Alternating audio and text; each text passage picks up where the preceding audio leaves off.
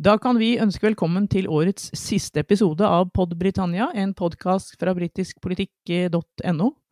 Det har vært til tider et eh, svært så kaotisk år i britisk politikk, og i denne episoden skal vi snakke litt om hva vi husker best fra 2022, og også se litt framover mot 2023. Jeg heter Trine Andersen, og med meg her i dag har jeg mine to medredaktører, Øyvind Brattberg og Erik Mustad. We shall never surrender. The pride in who we are is not a part of our past. It defines our present and our future. The people of Scotland have spoken. England, Scotland, Wales, Northern Ireland together, taking us forward, unleashing the potential of the whole country. Ja, at det har vært et begivenhetsrikt år i Storbritannia er det vel ingen tvil om. Det har jo vært eh, rene, rene svingdør i Downing Street 10 med tre statsministre på, på ett år. Boris Johnson, Liz Truss og Rishi Sunak. Og i september så var det da slutt på en æra da dronning Elisabeth eh, døde etter et 70 år på tronen. I Nord-Irland så var det i mai et historisk valg der eh, et nasjonalistisk pro-irsk parti, Sinn Fein, for første gang ble størst. Nord-Irland står fortsatt uten noen fungerende regjering. Og i Skottland har ønsket om en ny folkeavstemning om selvstendighet igjen vært høyt oppe på dagsordenen, og har til og med vært tema i britisk høyesterett. Og dette er altså bare noen av sakene vi husker fra 2022. Det er sikkert en rekke andre, og de skal vi forsøke å, nøste litt opp i i denne episoden.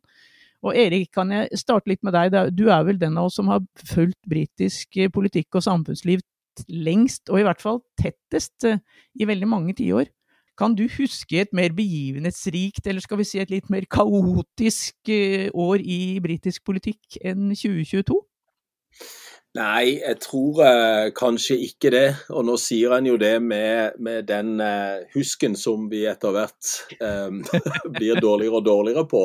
Gjennom veldig mange tiår. Gjennom veldig mange tiår så blir husken dårligere og dårligere, og uh, vi husker jo ofte det som er nærmest oss i tid eh, jf. Eh, The Crowns siste sesong, at eh, det, det, er noe med at når det kommer så nærme vår egen tid, så, så husker vi mer.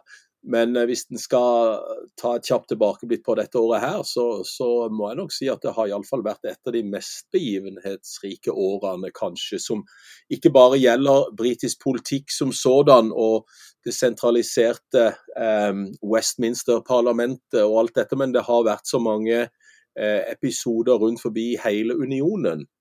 Og så er det akkurat dette som du nevnte, Trine, med dronning Elisabeth eh, som eh, har gått bort som selvfølgelig har satt sine spor og vil sette sine spor i mange år i det konstitusjonelle monarkiet, og også i britisk politikk og i britisk samfunnsliv eh, som sådan. Så det, det, er jo kanskje den største begivenheten, i tillegg til svingdøra i Downing Street. Vi ser statsministre komme og gå, og det har vi vært vant til i alle disse tiårene som jeg også har fulgt Storbritannia og britisk politikk. Men nå er da altså regenten gått bort i år, og det er jo selvfølgelig en, en begivenhet større enn noen, kanskje. Men e- Erik, du sier eh, vi, vi, har tendens til å huske det som ligger nærmest oss. Men, eh, og noe går selvfølgelig i glemmeboka i løpet av et, mm. et, så begivenhetsrikt år. Men er det noe som virkelig har bitt seg fast hos deg, som er liksom den, den eh, begivenheten eller den saken i politikken kanskje, som, som du kommer til å huske best fra dette året? Ja, det er et bilde som jeg husker best fra dette året, som på mange måter forbinder eh, monarkiet med politikken. Og det er bildet av Liz Truss, eh, som da fikk seks uker i Downing Street, som hilser på dronning Elisabeth. Og vi vet jo at bare et par dager etter dette bildet ble tatt, så, så dør eh, dronning Elisabeth. Eh, så akkurat dette håndtrykket av et bilde med disse blå flekkene på armen til dronning Elisabeth, det har på mange måter brent seg inn i min harddisk eh, i, i, eh, i 2022. Og, og det sitter kanskje igjen som Eh, dette største symbolet eh, mellom eh, statsoverhodet dronning Elisabeth og det utøvende statsoverhodet statsministeren her representert ved Liz Truss.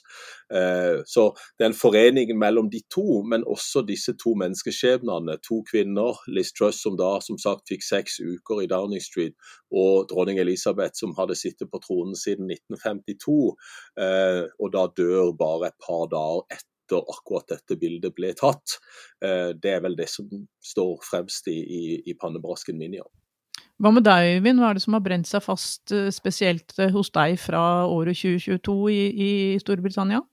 Um, ja, her blir det jo en, en, en, en, jypling som sammenlignes med en gammel vismann med mange tiår bak seg, som du, som du sier. Men, uh, men, året har vært, uh, har vært kraftfullt, begivenhetsrikt og, og ja, hatt en, lang rekke episoder som har eh, satt, om ikke brennmerker, så i hvert fall veldig tydelige merker i, bevisstheten. Det er veldig interessant at Erik trekker, opp, trekker frem dette, dette, bildet eh, hvor eh, Liz Truss skal tiltre. For det er jo symbolmettet å si noe om et, et eh, livslangt prosjekt for, for, dronningen selv. Altså den, den, forpliktelse og den samfunnsoppgave som hun har båret til siste slutt. Det, det er nok mange som, som vil, huske, vil, huske, det. Og jeg tror hele Alt som angikk dronningens bortgang og begravelse, er så Eh, så overveldende og så unikt at det, det overskygger my, veldig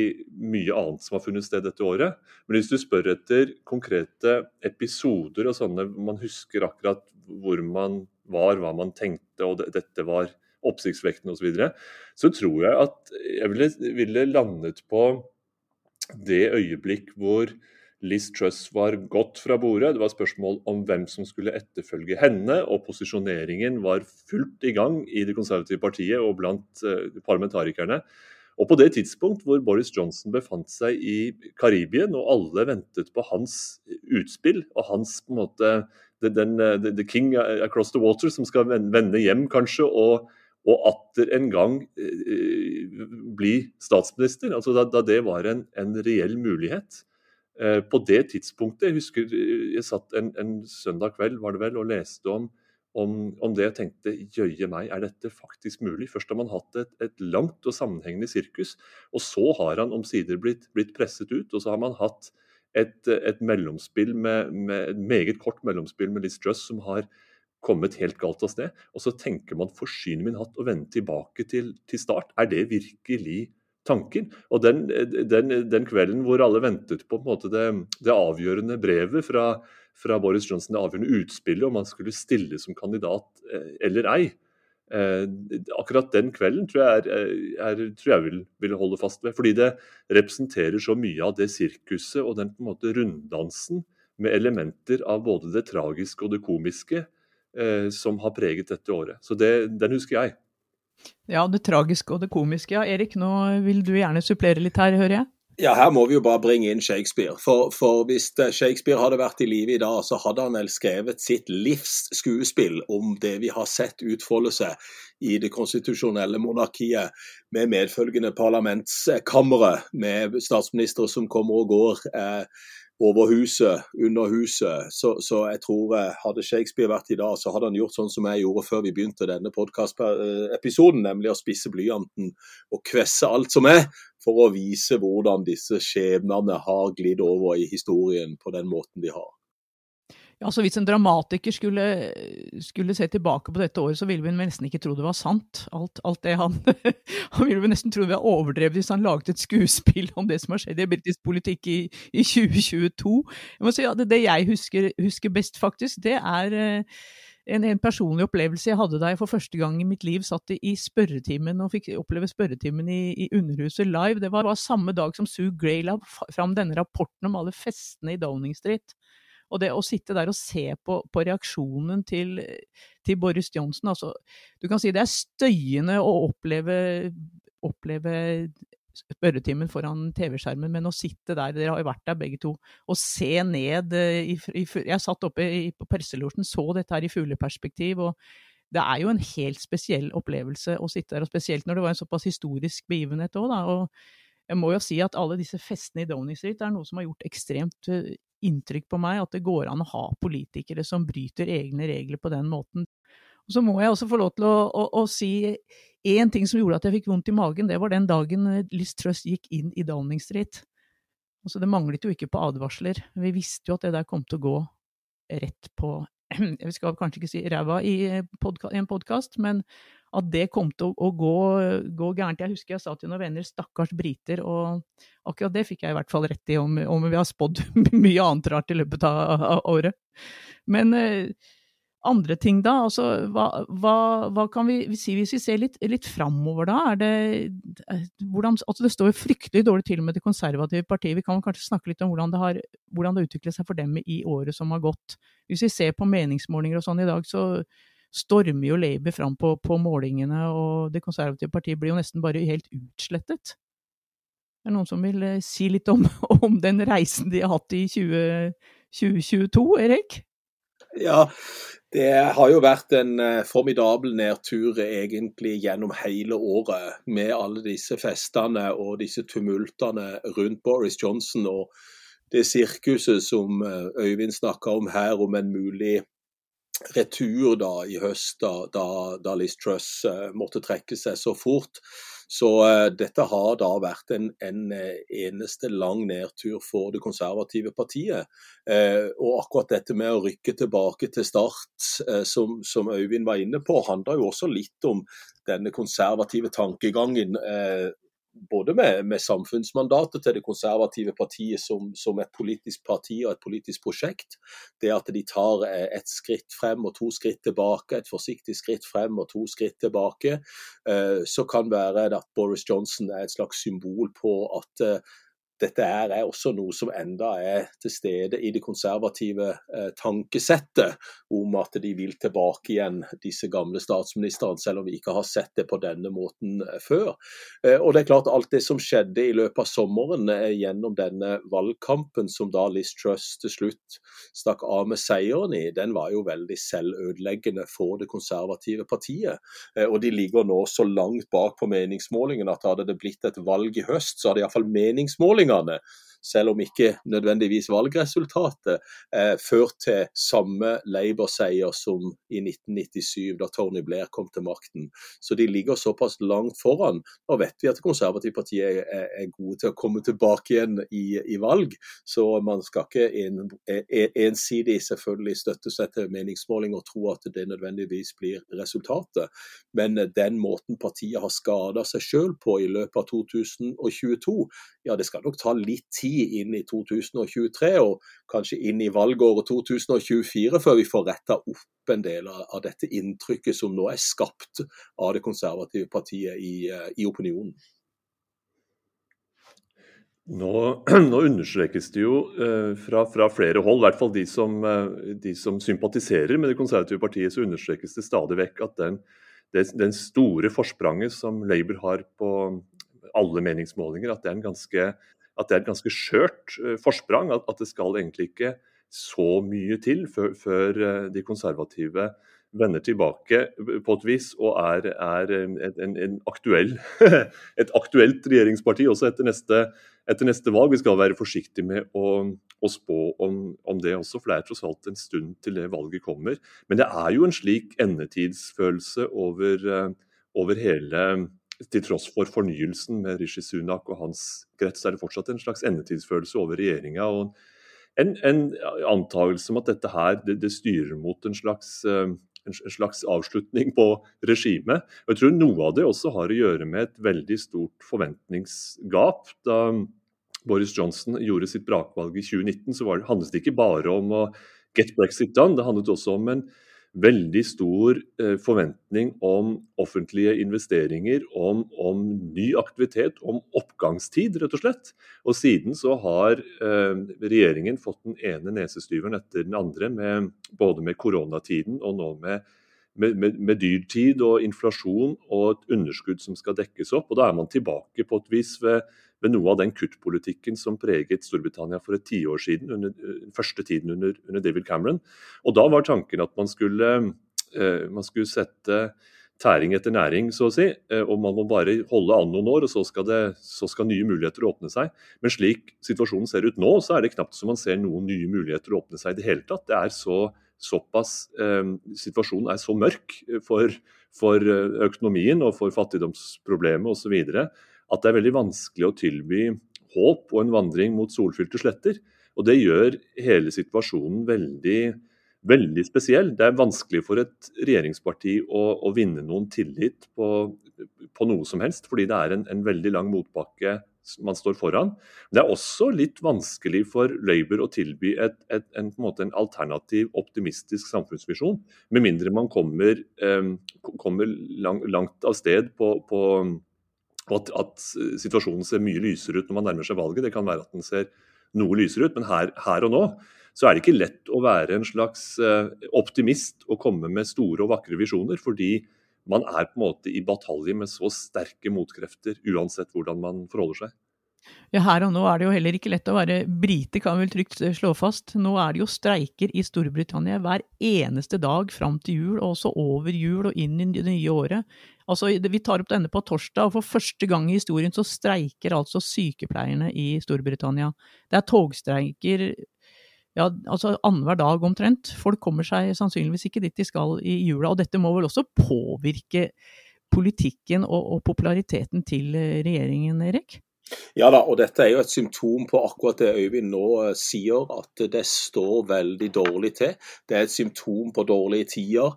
Eh, sykepleierne som ble bare for et par år siden under pandemien hylla som den viktigste gruppen gruppen eh, arbeidstakere i Storbritannia og ellers rundt forbi i verden. Eh, og Det er jo en yrkesgruppe som vi alle vet også her hjemme er så underbetalt at det er en skam at disse yrkene ikke har en høyere status og dermed høyere lønn. Uh, og I Storbritannia så streiker de da for første gang, rettmessig så, får vi si, fordi at de har vært i en situasjon så lenge, og spesielt gjennom pandemien. og De de redda jo Boris Johnson, som vi vet, som han sa sjøl etter han gikk gjennom eh, sin koronasykdom på St. Thomas-hospitalet i, i, London. Så de, de, de, har jo gjort formidable innsatser gjennom pandemien, og også før og etter det. Så det, det, dette streike, streike eh, denne perioden med alle disse streikene er jo et symptom på at folk har det dårlig. Økonomien er dårlig, alt er dårlig. Så denne endetidsfølelsen som, som kanskje vel veldig mange har for, for høsten og vinteren 2022, med disse galopperende prisene inn i januar og februar, de kaldeste månedene i forhold til, til strømutgifter. Eh, og at det blir sånn som vi har snakka om tidligere i Pod Britannia, at kanskje folk må velge om de skal bruke strøm og gass på å lage mat, eller om de skal da bruke det på å varme opp huset. Så det er en sånn endetidsfølelse overalt. Og så får vi da på toppen av dette eh, det som skjer i det britiske monarkiet, med en ny Netflix-serie med Harry, Harry og Meghan, eh, som, som, river på mange måter i, i mange følelser. i i, i kongefamilien akkurat nå. Og Så har vi jo også dette som jeg syns vi kanskje også må innom, unionen eh, med, med Skottland, som vi snakka om i forhold til den avvisningen fra Høyesterett om at de skal få lov å bestemme selv i det skotske parlamentet om de skal ha en ny folkeavstemning i forhold til å rive seg ut og rive seg løs fra den britiske unionen, altså om uavhengighet. Og så har vi denne uholdbare situasjonen i Nord-Irland, eh, hvor vi da ikke har noen politikere som sitter verken i folkeforsamlingen eller i provinsregjering. Og All denne usikkerheten dette fører med seg, er jo òg en følelse av en sånn ende, og at det er slutten på et eller annet. Og Det store spørsmålet er jo er det slutten på den britiske unionen vi begynner å se nå, og at dette her på sikt da vil løses opp med at kanskje neste parlamentsvalg for Skottland handler om Eh, dette uavhengighetsspørsmålet mer eller mindre helt og holdent. Og hva skjer med Nord-Irland? Vi vet at meningsmålingene i Irland er så lave på at Nord-Irland skal da gjenforenes med Irland. For det må være en meningsmåling i Irland også. Hvis det nå i en meningsmåling i Nord-Irland når den eventuelt måtte komme, skulle vise at det var et flertall i Nord-Irland for å søke gjenforening med. Så det er veldig mange ubesvarte spørsmål rundt forbi i hele unionen som, som gjør at kanskje denne følelsen av usikkerhet for britene er større enn det vi har sett på lenge. Ja, og Hvis vi ser fram til 2023, så er jo en av de største begivenhetene i 2023 at det er 25 år da siden denne langfredagsavtalen ble underskrevet i Belfast. Mm, og vi, det er det. Og, og, i februar så er det, er det ett år da siden uh, Nord-Irland hadde et, uh, en, en, fungerende regjering og nasjonalforsamling. Mm. Så det vil jo være en sånn så, tro, tror, du, tror du, Erik, som kan mest om nordisk politikk, at det er noen som helst sjanse for at det blir noen løsning der? Det vil jo være et kjempenederlag om de går inn i en feiring av, eller en markering av langfredagsavtalen uten en regjering på plass? Ja, og der sa du det. det, det vi har jo snakka om 100-årsmarkeringen for Nord-Irland eh, før. Eh, og, og, en ny markering eh, kan jo vise seg å, å, være en sånn følelse av hva skjer nå? Hvor står vi nå? Unionistene, altså protestantene, sier at de vil ikke i provinsregjering og ta sine seter i folkeforsamlingen før denne Nord-Irland-protokollen er fjerna. Eh, og man har jo egentlig ikke kommet noe videre i forhandlingene med EU der heller. EU sier at dette lar seg løse eh, fra disse sider ganske fort, men pga. alle problemene i Downing Street og i Det konservative partiet, vi vet at det har vært samtaler, men vi har ikke kommet i mål med de samtalene som gjør at unionistene føler at de er politisk trygge til å gå inn i de politiske institusjonene i Nord-Irland. Så dette her er jo en, en eh, følelse av ende og slutten på et eller annet, eller begynnelsen på slutten av et eller annet. det også. Eh, og det, og det eh, har man kanskje i Skottland, selv om det er kanskje begynnelsen på noe godt for skottene eh, på litt sikt. Så, så er det såpass mange ubesvarte spørsmål her, også i forhold til inflasjonen i Storbritannia som sådan, som, som har vært godt over 10 i, i hele høst. Nå ser vi jo en indikasjon på at prisveksten begynner å dempe seg noe i USA og i deler av, av, av Storbritannia. Og så kommer alle disse streikene som britene har ledd av franskmennene i alle år. For i Frankrike vet vi at det har vært streiker annenhver uke i veldig mange år. Og så har de ledd litt da på andre sida av kanalen og tenker at ja, ja, vi har ikke så mange streiker som disse franskmennene. Nå sitter de der sjøl. Så, så det er veldig mange tegn som tyder på at vi er ved en del paradigmeskifter i Storbritannia også. Men du Øyvind, hvis du var i Shishunak nå og skulle holde nyttårstalen, hva ville du sagt til det britiske folk? Da ville man vel uh, hatt en taleskriver som hadde i alle fall trukket i de trådene som sier vi er alle i samme båt, og, og vi, jeg, jeg, forstår hvor vanskelig dere har det, og vi har gode ideer for året som kommer. Og så gi noe innhold og substans til de gode ideene.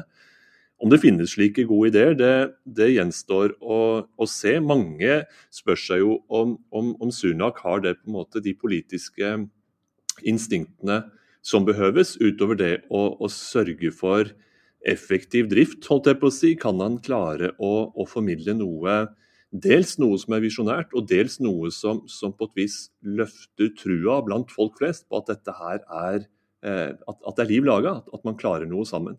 Han hadde nok ønsket seg å fått litt medvind fra, fra fotball-VM dersom England hadde, hadde, gått hele veien. Da er det jo en slags kontinuitet i den formen for eh, heroic failure, også at man ryker ut, og ikke minst at man blåser straffer over mål, og, og, og at det går gærent når det virkelig, virkelig gjelder. Men jeg tror mange ser fram til at uh, fotballen begynner å rulle i jula hjemme i England, den vanlige klubbfotballen. At man klarer å holde fast ved en slags hverdag, og så må man håpe at det nye året gir nye muligheter og, og, ja, og, mulighet for å løfte blikket fra der man befinner seg nå.